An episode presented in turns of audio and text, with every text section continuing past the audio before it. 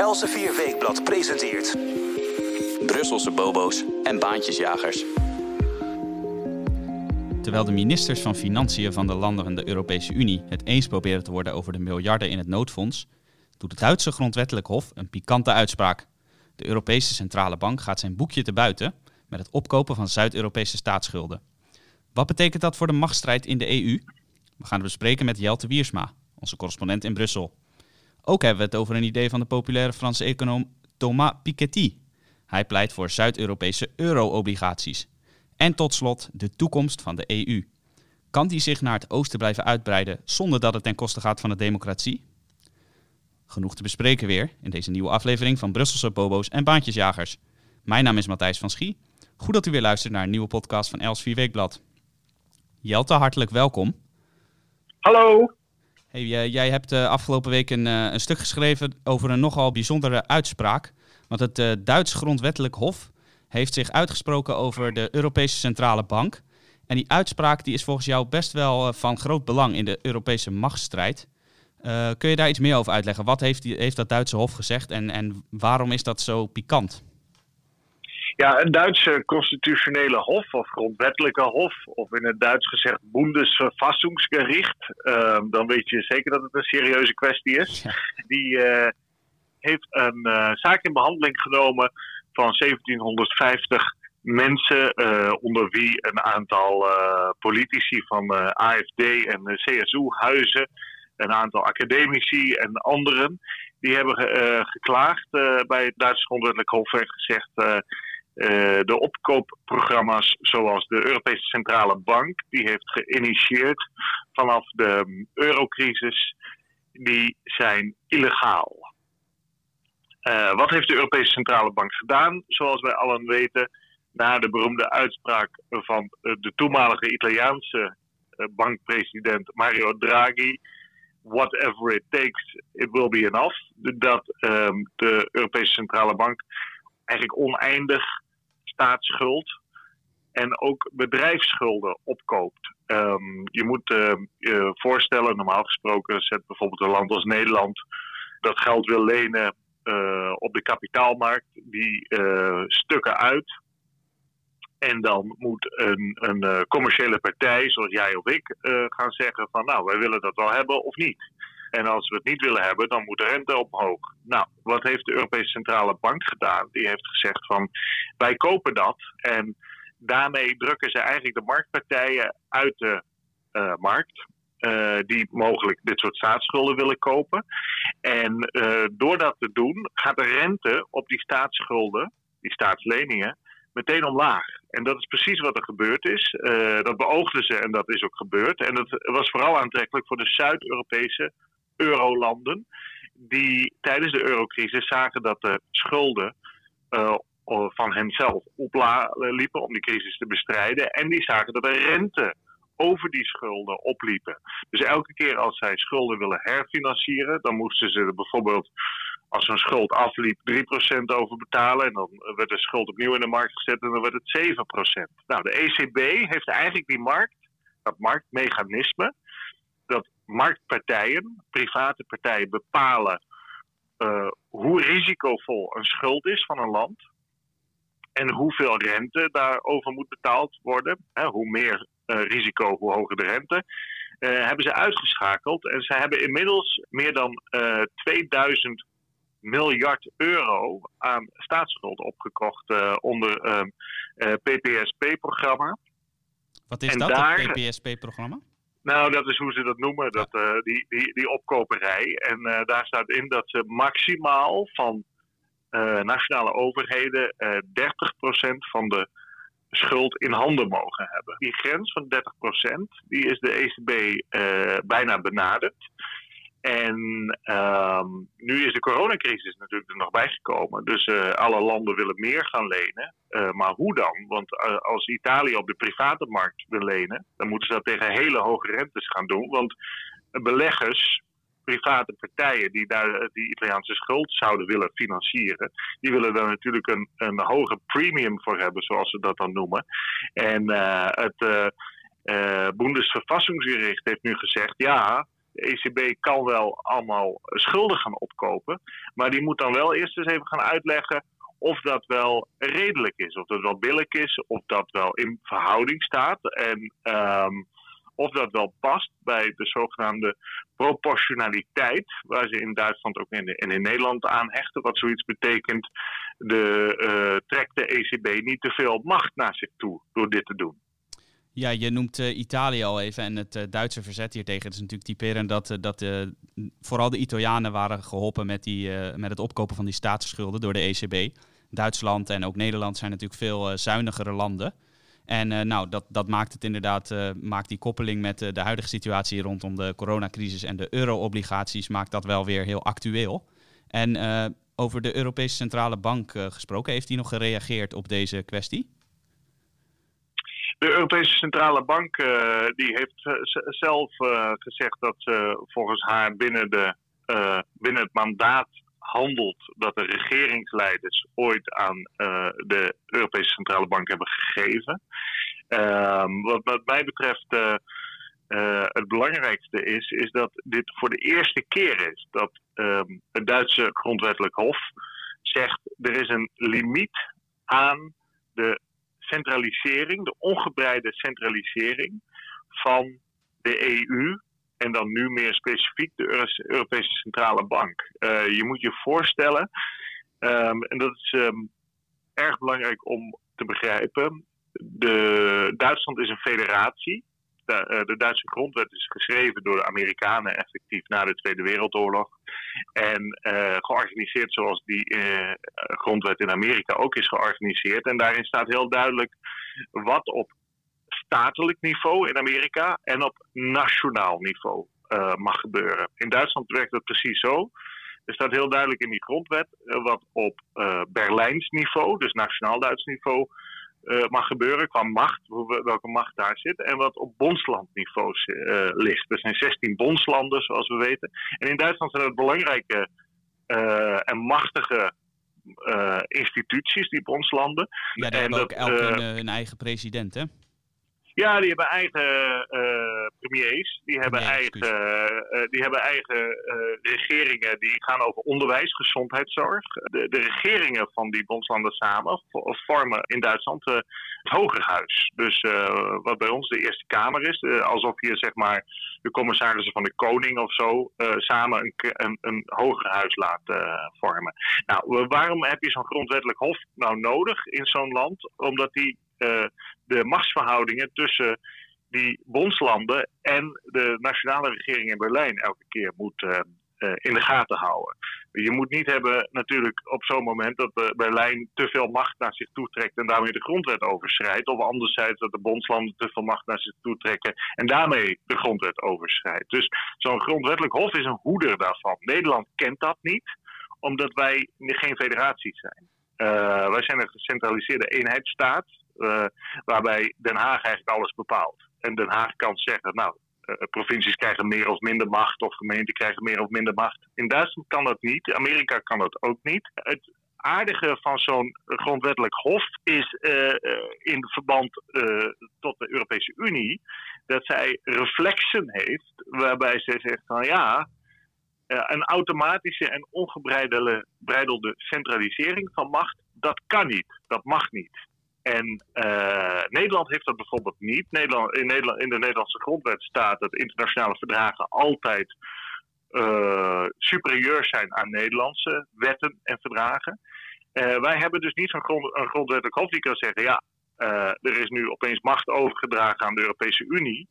Maar dat mag eigenlijk helemaal niet volgens onze Nederlandse grondwet. want dat tast onze soevereiniteit te veel aan. In Duitsland bestaat dat hof dus. Die heeft die, die rol nu, die rol heeft het nog nooit gepakt eigenlijk. Dat is heel interessant. Uh, het Hof heeft zich heel vaak onbevoegd verklaard in eerdere zaken die uh, zijn aangebracht. Uh, want het Hof zei dan, en dat klopt verdragsrechtelijk ook, wij gaan als Duits Constitutioneel Hof niet over EU-instellingen. Daar heb je het Europees Hof van Justitie voor. Maar wat is er nu gebeurd tijdens deze uitspraak?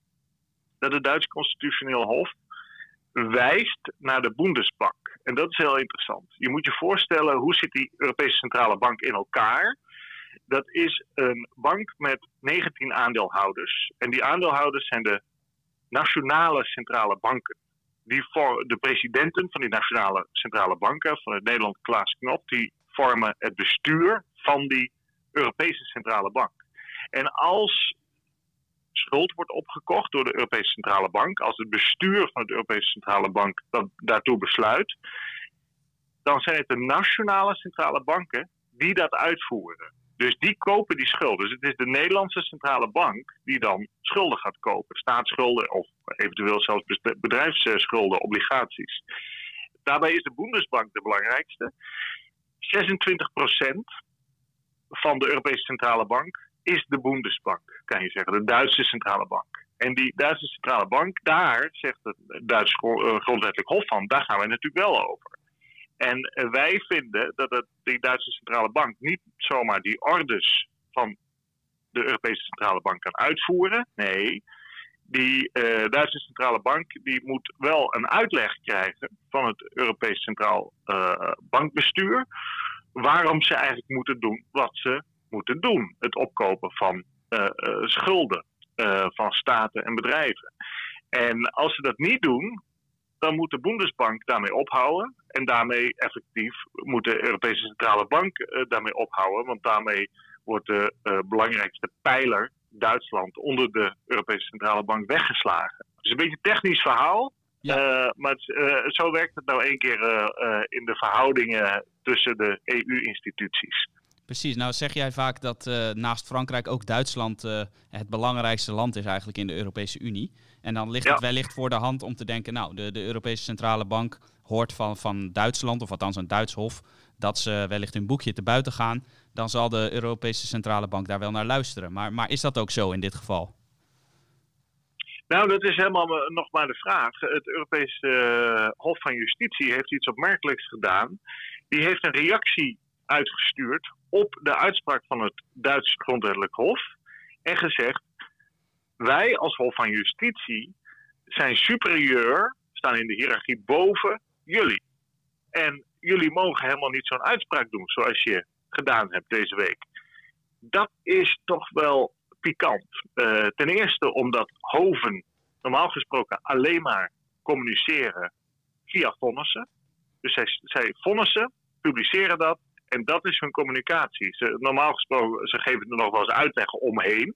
Maar ze gaan niet apart met, in debat met elkaar. En wat er nu ontstaan is, dat je eigenlijk een debat hebt tussen twee hoven. Een Duits grondwettelijk hof die zegt: ja, uh, misschien gaat de Europese Centrale Bank wel zijn boekje erbuiten. En misschien moet de Bundesbank wel allemaal dingen doen die eigenlijk niet passen bij het mandaat dat die Bundesbank heeft. En daar moet het Duitse parlement en de Duitse regering scherper op letten. En de ECB moet het allemaal beter gaan uitleggen. Aan de andere kant heb je dus het Europese Hof van Justitie dat zegt: nee, nee, nee, nee, nee, wij zijn de baas. Want wij gaan over de Europese Centrale Bank, want dat is een EU-institutie.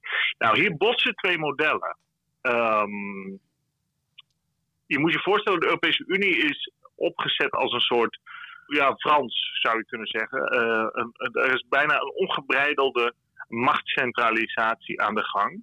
à la Frans model. Zoals eigenlijk Nederland intern dat ook kent. Hè? Zoals eerder gezegd, als het zo doorgaat, gaat de EU naar een soort eenheidsstaat. Uh, waarbij er helemaal geen duidelijkheid is of er ooit een einde is aan die, die, die machtsoverheveling van lagere niveaus naar hogere niveaus. En um, dat Franse model, waarop de EU is gebouwd, dat botst nu eigenlijk met het Duitse model, waarbij een grondwettelijk hof zegt: nee, nee, nee, je hebt zoiets als uh, macht dat op verschillende plekken moet liggen. En macht niet eindeloos gecentraliseerd kan worden. En volgens ons als Duits Hof uh, is die machtscentralisatie mogelijk nu te ver gegaan. Ze zeggen het niet expliciet, hè, maar ze zeggen mogelijk is het te ver gegaan. En dat is de eerste waarschuwing in de geschiedenis vanuit het Duitse kamp. En dat is wat mij betreft heel hoopvol.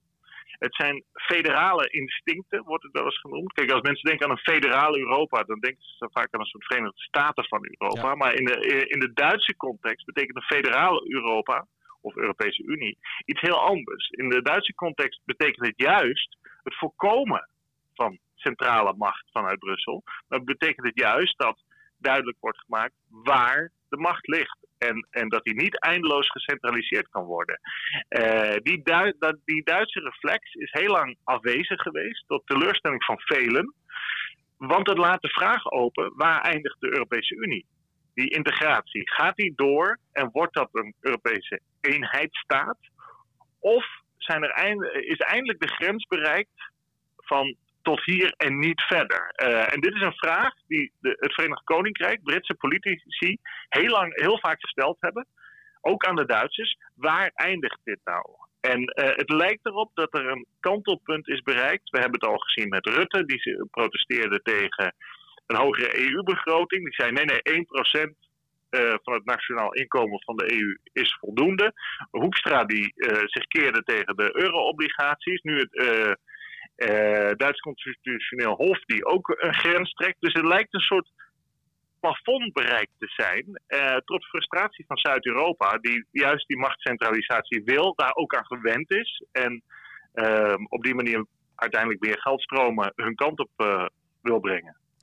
Ja, we, we hebben het laatst al uh, eens gehad over een, uh, nou ja, een beetje over gespeculeerd dat er misschien wel twee uh, eh, EU's zouden komen, een Noord-Europese Unie en een Zuid-Europese Unie. Nou is dat natuurlijk misschien nog wel heel ver weg als dat ooit al gaat gebeuren. Maar inderdaad, die Duitse reflex, toch een van de twee machtigste landen in de Europese Unie. Als dat zo doorzet, we zagen het ook al met die eurobonds waar Merkel zich tegen verzette, zou dat dan inderdaad op termijn tot een scheuring kunnen leiden binnen de EU? Alles kan, Um, wat wel duidelijk is, dat er een grens is aan wat Duitsland bereid is te doen. En uh, dat vind ik een hoopvol signaal. Want ik denk dat voor alle burgers geldt, ook Nederlandse burgers, misschien wel juist voor Nederlandse burgers, dat de vraag leeft, zoals de Engelsen die stelden, waar eindigt dit? Waar uh, gaan we nou naartoe? ik denk als heel duidelijk wordt gemaakt wat op EU-niveau wordt gedaan en wat niet en dat daar geen beweging in zit. Dat er dus niet meer via de achterdeur of voordeur allerlei macht wordt overgeheveld van Den Haag naar Brussel.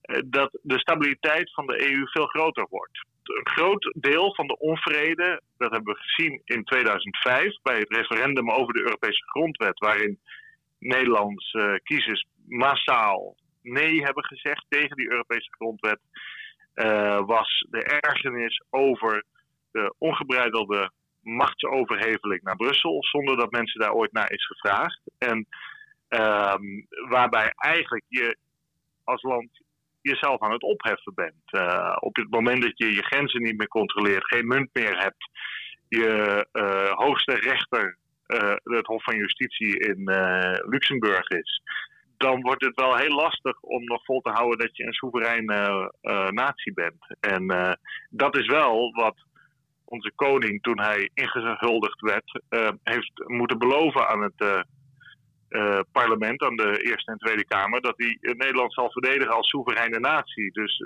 de Eerste en Tweede Kamer hebben hem iets laten beloven. Nederland moet een soevereine natie blijven en u als koning moet dat verdedigen. En hij zei, nou dat ga ik doen. Maar als die, datzelfde parlement, die Eerste en Tweede Kamer, die mag maar ongebreideld blijven overhevelen naar, naar Brussel, dan wordt dat wel uh, een beetje een gekke situatie natuurlijk. En dan hou je jezelf uiteindelijk ook voor de gek. Dus dat er een grens wordt getrokken is denk ik heel goed. Zou uh, enorme rust ook in die EU creëren. Want er is nu elke keer een gevecht. Alle gevechten gaan eigenlijk in de EU over, over dat. Wat moet de EU wel of niet gaan doen? En uh, het Europese parlement zegt altijd meer. De Europese Commissie zegt altijd meer. Zuid-Europa zegt altijd: de EU moet meer gaan doen, waarmee ze vooral bedoelen meer Noord-Europees geld naar uh, Zuid-Europa sturen. De enige reflexen tot nog toe tegen dat alsmaar meer kwamen vanuit het Verenigd Koninkrijk en uit Oost-Europa. Waar ze natuurlijk het trauma hebben van de Sovjet-Unie. En ik ga niet een vergelijking maken tussen de EU en de Sovjet-Unie, want die zijn niet te vergelijken. Maar waar wel, een trauma, waar wel een trauma bestaat over een centrale macht, Moskou, die effectief eindeloos alle macht naar zich toe trok. En de nazistaten zoals Polen, uh, Tsjechië, Slowakije enzovoort, machteloos achterliet. En dat trauma zit daar diep. En zij zijn dus veel sceptischer over die machtscentralisatie. En nou, we gaan kijken hoe dit spel nu verder gaat. Maar het is een, wat mij betreft een adembenemend gevecht dat plaats heeft. Ja, spannend om in de gaten te houden inderdaad. Dat, uh, dat meningsverschil tussen het Duitse Hof en het Europese Hof van Justitie. Hoe zich dat verder ontwikkelt. Over Oost-Europa, uh, dat je net noemde, gaan we het zo nog hebben. Uh, maar we gaan het nu eerst nog eventjes hebben over een andere kwestie rond geld en financiën. het valt ook uiteraard allemaal terug te lezen op onze website. Net als het onderwerp van net waar we het over hadden. links daarnaar staan in de beschrijving. Maar goed, we gaan het dus eventjes nog hebben over geld en geldtransfers in de Europese Unie. Want de, de populaire Franse econoom Thomas Piketty die uh, ook uh, te gast was in Nederland niet zo lang geleden, die, die opperde van de week iets interessants waarvan jij ook zei, nou, dat is misschien nog niet eens zo'n slecht idee. Want hij wil namelijk dat Frankrijk en ook andere Zuid-Europese landen, als we Frankrijk dan even tot Zuid-Europa rekenen, dat die uh, met elkaar die euro-obligaties uit gaan geven, waar Nederland dus niet aan wil. Waarom zeg jij dat is niet zo'n slecht idee? Nou, kijk, Piketty die wil graag Zuid-Europese euro-obligaties. Inderdaad, want hij zegt, ja, Nederland en Duitsland gaan toch nooit meedoen. En uh, iedereen heeft een veto.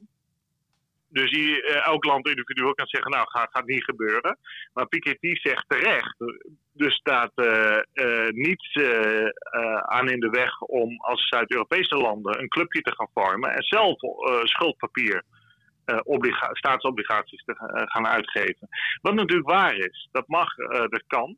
Hij is niet, niet de eerste hè, die dat heeft gezegd. Nee, het lijkt me een uitstekend idee. Uh, Wopke Hoekstra heeft het uh, in april tijdens de Eurogroep ook geopperd. Toen Portugal, Italië en anderen heel kwaad waren op Nederland. Dat Nederland zei, nou, dat gaan we absoluut niet doen. Um, toen heeft Wopke Hoekstra gezegd, nou, dan, dan beginnen jullie toch samen een uh, schuldenunie. Gaan jullie samen een schuld uitgeven. wij doen dan als Nederland niet mee, maar succes ermee. En, maar ja, dat wilden ze natuurlijk nee. niet. En toen kwam de aap uit de mouw. Ze willen gewoon onze poen. Nou, ja, want het geld zit niet in Zuid-Europa. Uh, nou, dat is ook niet helemaal waar natuurlijk. Want uh, Zuid-Europeanen, en zeker Fransen en Italianen, zijn, zijn vermogende mensen. Ja. Die, er zit veel particulier bezit.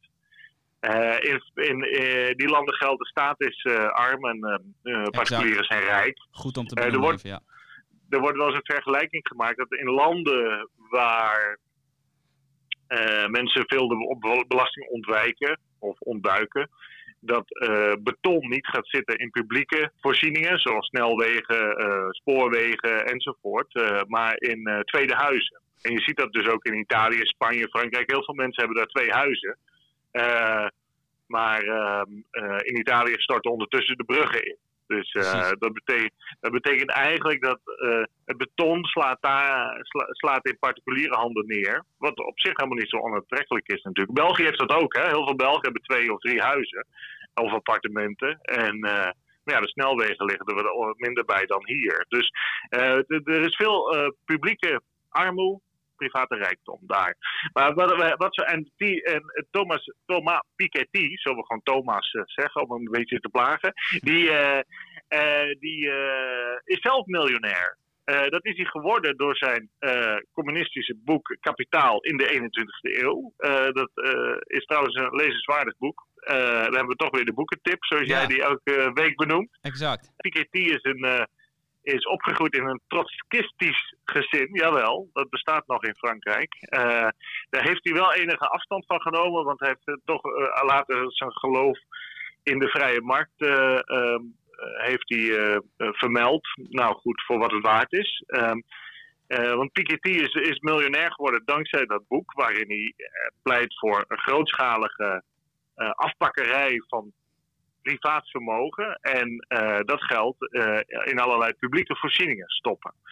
Of dat kan hij natuurlijk doen met, zo'n, met die eurobonds waar hij erg voor is. Dat zou inderdaad betekenen dat miljonairs zoals hij zelf, en hij heeft dat van harte verdiend, hun geld uh, de grotendeels kunnen inleveren bij de staat. En dan kan Frankrijk bijvoorbeeld Italië gaat financieren, gaan financieren, waar mensen veel, vaak tweede huizen hebben en, en veel private welvaart uh, kennen. Dus good luck met Mr. Piketty, zou ik zeggen. Of bon courage vooral. Ehm, hij, hij pleit ook nog voor een belastingtarief van 95%. Hij zei dat, dat zou ik wel graag willen betalen. zelf. Als, maar dat is, dat is natuurlijk een beetje gek. want zelfs als die eurobonds voor het zuiden zouden worden ingevoerd, waarom zou hij uh, zijn 95% belasting over zijn kapitaal niet, niet zelf betalen zonder dat de staat het afdwingt? Uh, hij kan volstrekt vrijwillig zijn geld overboeken naar de Franse staat. Uh, en de Franse staat die gaat dat dan uitgeven op de manier zoals zij dat goed achten. dus ehm, ja, dit is een beetje eigenaardig. Uh, maar die, euro, die zuidelijke eurobonds doen dat vooral. Dan gaan mensen zoals Piketty en anderen in Zuid-Europa misschien eens uh, uh, merken dat ze, die veel kapitaal hebben, dat zij dan worden geschoren. in plaats van dat de middenklasse in Noord-Europa wordt geschoren. Want dat is nu door die gel massale gelduitgifte door de ECB, door het opkopen van staatsobligaties effectief het geval. En pensioenen natuurlijk, hè, niet te vergeten. Nederlandse pensioenen zijn effectief 10, 15 procent gedaald de afgelopen jaren qua koopkracht. Uh, door die geldbijdrukkerij van de ECB. Dus er is een enorme transfer naar het zuiden. En dan heb je het over bouwvakkers, politieagenten, verpleegsters, uh, vertegenwoordigers, uh, ondernemers, schilders. al die mensen hier in Nederland die een uh, pensioen opbouwen, die worden gestript nu van hun geld. Dus uh, het lijkt me beter om trotskistische miljonairs zoals uh, Piketty te strippen. Ja, dat levert ook wat meer op. Dat levert ook wat meer op, zo is het. Dus go Piketty, zou ik zeggen. Ja, we gaan, we gaan zien of, of dat in Brussel enige navolging krijgt, dat idee van Piketty. Dan dan krijgen de Italianen en andere Zuid-Europeanen toch nog hun zo gewenste eurobonds. En dan zitten wij als Nederlanders daar inderdaad niet mee opgescheept. Nou, klinkt als een win-win situatie. Ja, toch? Ja, Heel goed. Dan, uh, dan gaan we tot slot nog even hebben over een, een groot essay dat jij ook weer voor de website van Elsevier Weekblad hebt geschreven. jij publiceert volop de laatste weken en dat zien wij overigens ook terug in het aantal bezoekers op onze site. Jelte is een graag gelezen en hopelijk ook beluisterde auteur van ons.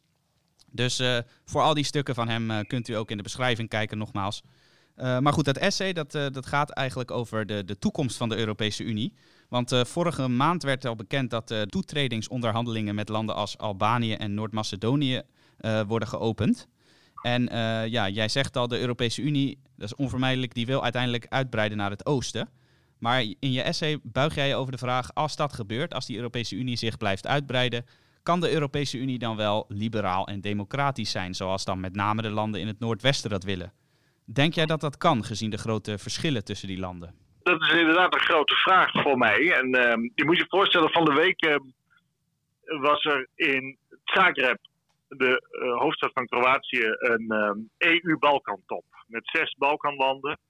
En uh, die zes Balkanlanden die willen graag EU-lid eh, e worden. En Noord-Macedonië en Albanië inderdaad, daar zijn de toetredingsonderhandelingen mee begonnen.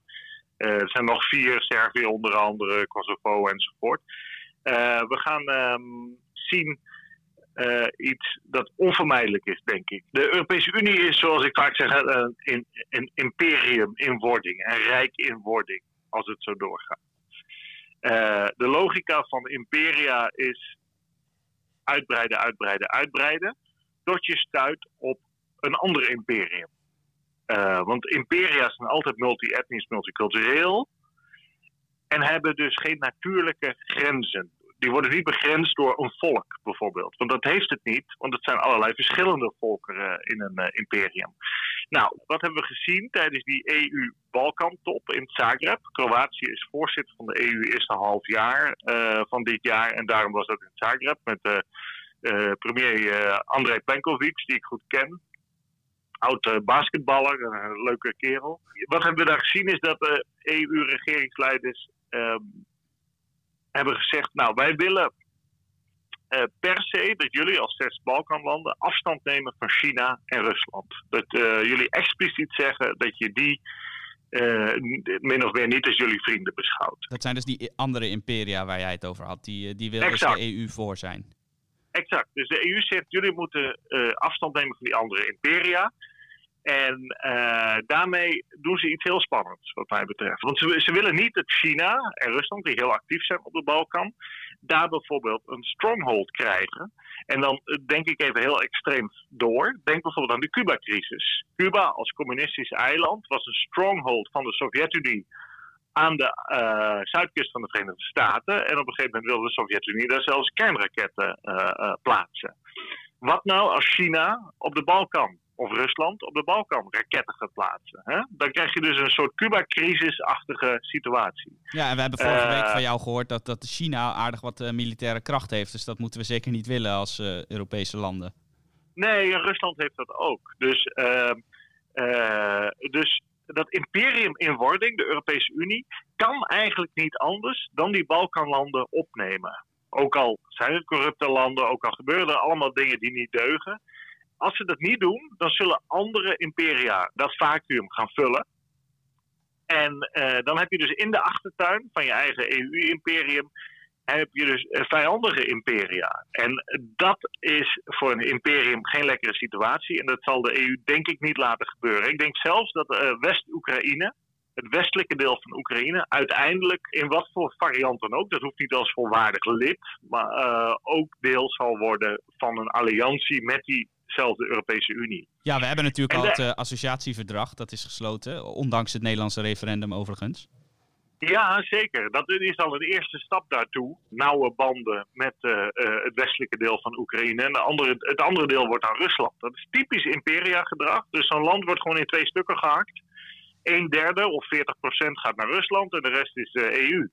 Daar, botsen die imperia. Dat was die Oekraïne-oorlog. Of dat is die Oekraïne-oorlog, kan ik wel zeggen. Het effect daarvan, dat de EU die landen wel op moet nemen vanuit de logica van imperia is tweeledig. Eén, dat zal de verhouding tussen Duitsland en Frankrijk veranderen. Uh, nog meer dan al het geval is. Je moet je voorstellen, in de oude EU, om het zo te zeggen, had je natuurlijk Frankrijk als grootste, West-Duitsland, dat ongeveer net zo groot was, de Benelux, Italië uh, en later kwamen er nog een aantal landen bij, uh, stapsgewijs. En Frankrijk was daar de kernspeler, elke keer de machtigste. Maar elke keer als de EU uitbreidde, werd Frankrijk zwakker. Dat is eerst natuurlijk geweest met de grote klap uh, met het Verenigd Koninkrijk en Denemarken die erbij kwamen in 1973. Daar was Charles de Gaulle altijd tegen, de Franse president. Maar zijn opvolger heeft dat toch uh, uh, uiteindelijk onder hevige druk geaccepteerd. Um, en daarna heb je gezien in 2004 is de uitbreiding oostwaarts geweest met de voormalige Sovjet-satellieten. En ook dat was voor Frankrijk slikken, want het was opnieuw eerder aantrekkelijk voor Duitsland dan voor Frankrijk. Want Duitsland heeft natuurlijk hele oude historische banden met het oosten van Europa. Uh, er zijn allerlei Duitse bedrijven die effectief in die landen de grootste zijn. Denk aan Skoda in Tsjechië de autobouwer die van Volkswagen is. Denk aan Audi in Hongarije, de grootste werkgever. Uh, is ook een uh, Volkswagen-dochter. Dus Duitsland runt de show daar zo'n beetje. Dus, dat heb je, die, die verhouding Duitsland-Frankrijk. Daar zit spanning daardoor op. Wat je ook ziet, en dat denk ik wordt een probleem op lange termijn. Is dat die Oost-Europese landen niet, zoals meneer Plenkovic in Kroatië of meneer Donald Tusk eerder premier van Polen, later voorzitter van de Europese Raad en nu voorzitter van de Europese Volkspartij, de partij van bondskanselier Angela Merkel, voorbeeldige uh, liberale democratieën à la westerse stijl worden. Nee, uh, een aantal bewegen meer in feodale autocratische richting. Dan moet je denken aan uh, Polen-Hongarije natuurlijk met de Jaroslav Kaczynski in Polen en Viktor Orban in Hongarije en ook anderen al daar. Nou ja, als je die landen door uitbreiding versterkt, dan heb je dus een groter Oost-Europees blok. Waardoor het stemgewicht van Oost-Europa ook gewoon zwaarder wordt. En Oost-Europa heeft conservatievere reflexen. Daar kan je van alles van vinden in morele zin. Dat is gewoon de realiteit. Dus Oost-Europa wordt, wordt politiek steeds sterker door die uitbreiding van de Europese Unie. En die uitbreiding is niet te voorkomen. Kan door de imperiale logica niet worden gestopt. En wat gebeurt er dan? Als die landen, zoals Polen, Hongarije, andere, een kant op bewegen die het meer liberale noordwesten van Europa, dan heb ik het vooral over de Benelux, Frankrijk uh, en, en delen ook van Duitsland. Als die zien uh, dat die democratie daar met voeten getreden wordt, de rechtsstaat met voeten getreden wordt, er allerlei hervormingen plaatsvinden waarbij eigenlijk machtscentralisatie plaatsvindt bij één persoon of één partij. Hoe gaat het Westen dan reageren? Nou, we hebben gezien, of het Noordwesten vooral, want daar zit toch de liberale kern van Europa. We hebben gezien dat Frans Timmermans onder de vorige commissie Juncker fel van leer is getrokken tegen Oost-Europa. Daarin werd hij erg aangemoedigd door Frankrijk. En dat is niet voor niks, want de Fransen, dat is uiteindelijk institutioneel een liberaal land. En, mhm. en, en de Fransen vinden het ook wel lekker om uh, Oost-Europa toch een beetje in de hoek te zetten. Want uh, dat heeft Frankrijk verzwakt in de verhouding met Duitsland, zoals eerder gezegd. Timmermans heeft dus zaken aangebracht bij het Europees Hof van Justitie. En gezegd, er worden allerlei hervormingen in Oost-Europa doorgevoerd die uh, naar autocratie neigen. En dat mag niet. En het Hof heeft ook inderdaad gezegd, het Hof van Justitie, eerder besproken in Luxemburg, dat mag niet. Dus het Hof was het met Timmermans eens. Maar daar trekken die landen zich helemaal geen bal van aan. Ja, want, uh, want wat je net zegt, uh, die landen hebben inderdaad tientallen jaren onder de, de knoet van Moskou gezeten, de Sovjet-Unie. Dus die, die, die hebben inderdaad de reflex, een, een centrale overheid ver weg. Die gaat ons niet vertellen wat wij doen. En ook Timmermans niet. Zo is het. Dus eh, waar is Emmanuel Macron, de president van Frankrijk, toen mee gekomen? Die heeft gezegd van, nou, weet je wat we gaan doen? We, uh, we zijn aan het onderhandelen over een nieuwe EU-begroting voor de periode 2021-2027. En we gaan alleen nog maar subsidies geven aan landen die uh, een fatsoenlijke democratie zijn, een, een liberale democratie in zijn ogen. Oké, Polen krijgt 10 tot 12 miljard euro per jaar. En je kan je wel voorstellen, Polen was natuurlijk meteen woest. En die zegt, dat wil ik niet. Kaczynski die zei, ik wil dat niet, dat er voorwaarden worden gesteld aan die subsidie. Ik wil gewoon die poen hebben van jullie. En uh, voor de rest moet je je niet bemoeien met mijn interne aangelegenheden. Nou, dit lijkt natuurlijk geweldig veel op de voorbeschietingen van de Amerikaanse burgeroorlog. De beroemde oorlog van uh, 1861 naar 1865, waarbij liberale Noordoostkuststaten van de Verenigde Staten en meer conservatieve feodale staten in het zuiden met elkaar in conflict raakten over wie nou uh, uiteindelijk fundamentele principes mag bepalen. Is dat het land zelf? Of is dat het Europees Hof van Justitie of Brussel, die zegt dat landen een democratie moeten zijn, een rechtsstaat, enzovoort, enzovoort. En die strijd is in Zagreb afgelopen week nog eens uh, verder gevoerd, want dat ligt er eigenlijk achter. Gaan die landen in Oost-Europa niet in meer liberale richting uh, bewegen? En die kans lijkt klein, want we zien ze in andere richtingen bewegen. Dan uh, zal het Westen, het Noordwesten en dan vooral Frankrijk en de Benelux, Duitsland, een keer moeten gaan beslissen, wat gaan we nou doen? Gaan we inderdaad die fondsen die wij daar naartoe sturen, gaan we die stoppen? Nou, als dat gebeurt, dan krijg je natuurlijk een enorme ruzie. Ik denk dat het heel lastig is om dat, te, om dat te doen. Al was het maar omdat de Europese Unie die landen er toch wel bij wil hebben. Want als ze er niet bij zitten, dan gaan ze zich richten op uh, China, Rusland en misschien wel de Verenigde Staten. Dus de, uh, het noordwesten van Europa zal een keer moeten gaan kiezen. Wat gaan we nou doen? Gaan we die Unie samenhouden? En willen we daar uh, voor knokken? Of gaan we dat niet doen? En dat vind ik een super spannende ontwikkeling. Jazeker, je trekt daar een heel uh, interessante historische parallel, zoals we dat van jou gewend zijn. Je begon bij de, de Cuba-crisis in 1962 en in één adem ga je een eeuw eerder terug naar de Amerikaanse burgeroorlog. Nou is die natuurlijk, zoals wij weten, die is uitgevochten onder slavernij. En die is uiteindelijk heeft die geresulteerd in één Verenigde Staten, omdat met name het noorden toch wel graag één land ervan wilde maken, één land wilde behouden. Nou weten we natuurlijk dat de, de Europese Unie niet zo'n federatie zijn, niet zo eensgezind als de Verenigde Staten waren. Denk jij dat we daarom ook minder snel zo'n conflict zullen gaan krijgen in de Europese Unie? En natuurlijk laten we vooral hopen dat het dan ook niet zo'n bloedig conflict zou zijn. Dat is een goede vraag en ik weet het antwoord niet, in alle eerlijkheid. Het is, um, denk ik, koffiedik kijken hoe, het, uh, hoe dit uitpakt. Het is een hele lastige situatie voor landen zoals uh, Frankrijk en ook Nederland. Ook premier Rutte zegt dat die landen moeten oppassen en uh, moeten hervormen in democratische zin en niet in autocratische zin.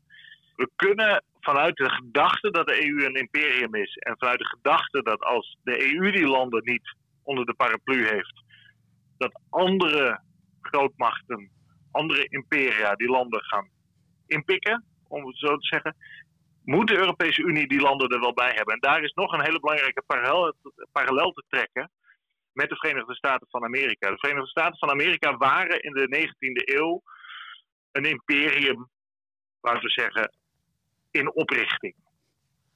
En wat gebeurde daar toen de zuidelijke staten zich afschaften of eh, afscheiden? Toen was er heimelijke steun van Frankrijk en het Verenigd Koninkrijk voor die zuidelijke staten. Waarom? Omdat ze dachten, hé hey, mooi, uh, die Verenigde Staten van Amerika die worden in tweeën geknipt. Dan zijn ze zwakker, uh, want als eenheid steeds sterker. Toen heeft Lincoln, de beroemde Amerikaanse president van de Noorderlingen, de Noordoostelingen tijdens die oorlog, die heeft juist daarom die, die oorlog gevoerd. Er wordt vaak gedacht dat het over slavernij ging. Uh, dat ging het ook wel, maar het ging over twee fundamentele principes. En Lincoln die wist, als wij als de Verenigde Staten van Amerika niet eens zijn, dan zullen we een zwakke speler blijven. En dan is het maar de vraag of we überhaupt kunnen blijven bestaan als Verenigde Staten van Amerika.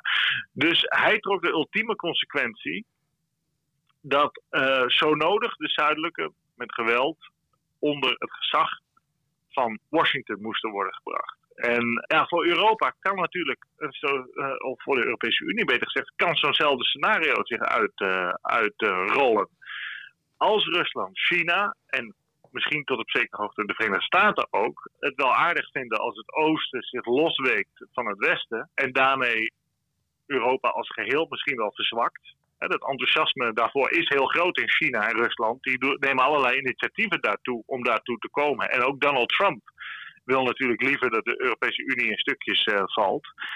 Dan krijg je een situatie dat je een verzwakking in, in de Europese Unie krijgt, uh, evident. En dat uh, de gedachte dat de Europese Unie nodig is, omdat het veel krachtiger is op het wereldtoneel samen, dan in duigen valt natuurlijk. Omdat het dan veel kleiner wordt en veel zwakker wordt. En dan wordt het altijd de kleinste onder de groten in de strijd met uh, China en uh, Amerika. Dus uh, ik denk dat de Europese Unie er niet aan ontkomt om dezelfde logica te volgen die, die Lincoln destijds heeft gevolgd.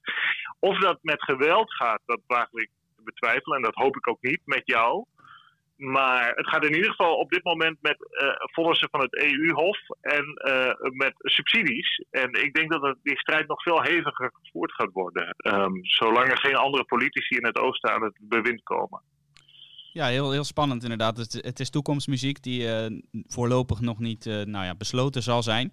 Maar het is inderdaad heel spannend om in de gaten te gaan houden hoe, dit, hoe dat zich ontwikkelt. Maar dat loopt niet weg, dus dat zullen we ongetwijfeld nog vaak gaan bespreken in deze podcast. En zijn er nou nog zaken in de, in de wat meer nabije toekomst die we in de gaten moeten gaan houden komende week, komende weken?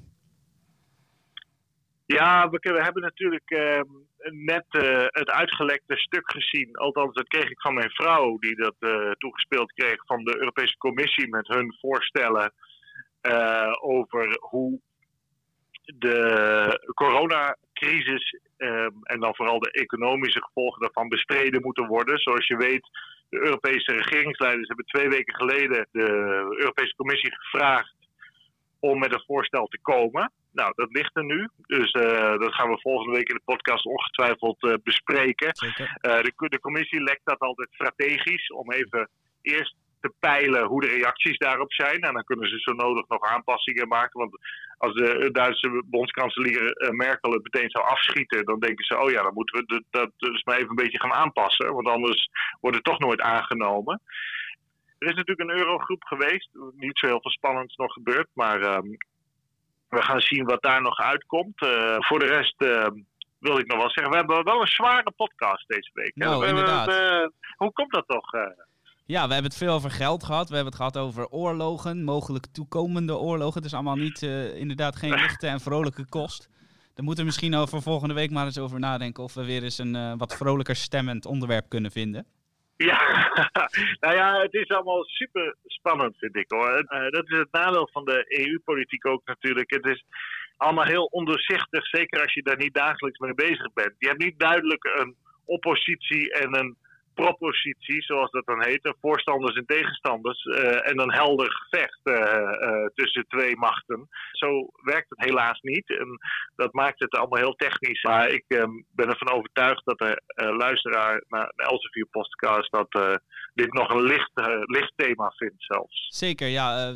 kennelijk is het voor de luisteraar geen bezwaar om naar zware kosten te luisteren, want we zien de, de luisteraarsaantallen en de aantallen abonnees ook op deze podcast met de week groeien. Daar zijn we uiteraard heel blij mee.